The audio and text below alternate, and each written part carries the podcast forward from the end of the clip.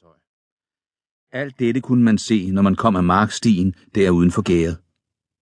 Lå man derimod i skyggen af en med ryggen mod stammen og så den anden vej, og det var der en, der gjorde, så så man først sine egne ben, så en lille plet med kort, kraftigt græs, dernæst en stor klynge mørke neller, så tjørnehækken med de store hvide konvolvulus, stenten, lidt af rumarken udenfor, endelig justitsrådens flagstang der borte på højen, og så himlen. Det var trykkende hit, luften flimrede af varme, og så var det så stille. Bladene hang og sov på træerne. Der var ikke andet, der rørte sig, end mariehønsene derhenne på nellerne, og lidt vissent løv, der lå i græsset og krøllede sig sammen med små, pludselige bevægelser, som om det krympede sig under solens stråler. Og så mennesket under en. Han lå og gispede og så vemodigt, hjælpeløst op mod himlen. Han nønnede lidt og opgav det. Fløjtede, opgav så også det. Vendte sig, vendte sig om igen og lod sine øjne se på et gammelt muldvarpeskud, der var blevet ganske lysegråt af tørke. Pludselig kom der en lille rund, mørk plet på det lysegrå muld. En til. Tre, fire. Mange. Flere endnu. Hele tuen var ganske mørkegrå. Luften var lutter lange, mørke streger. Bladene nikkede og svajede, og der kom en susen, der gik over til syden. Det øste vandet ned. Alting glimtede, gnistrede, spruttede. Blade, grene, stammer. Alting glinsede af væde.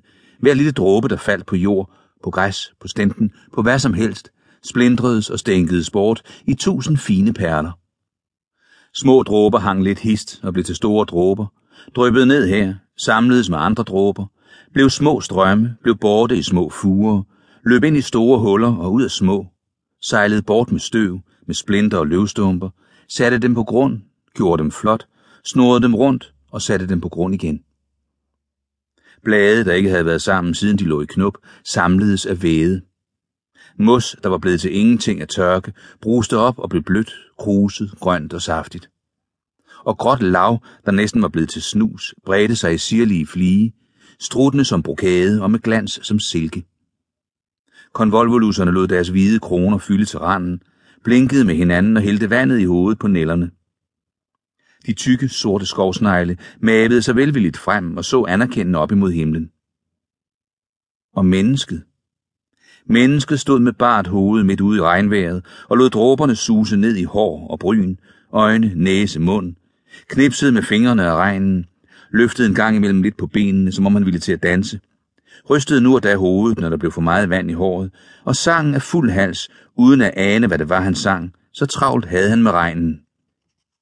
Havde jeg, åh, havde jeg en dattersøn, åh ja, og en kiste med mange, mange penge, så havde jeg vel også haft en datter, åh ja, og hus og hjem og marker og enge. Havde jeg, åh, havde jeg en datter, lille, åh ja, og hus og hjem og marker og enge, så havde jeg vel også haft en kæreste, og ja, med kister med mange, mange penge. Der stod han nu og sang, men henne mellem de mørke hasselbuske stak der et lille pigehoved frem.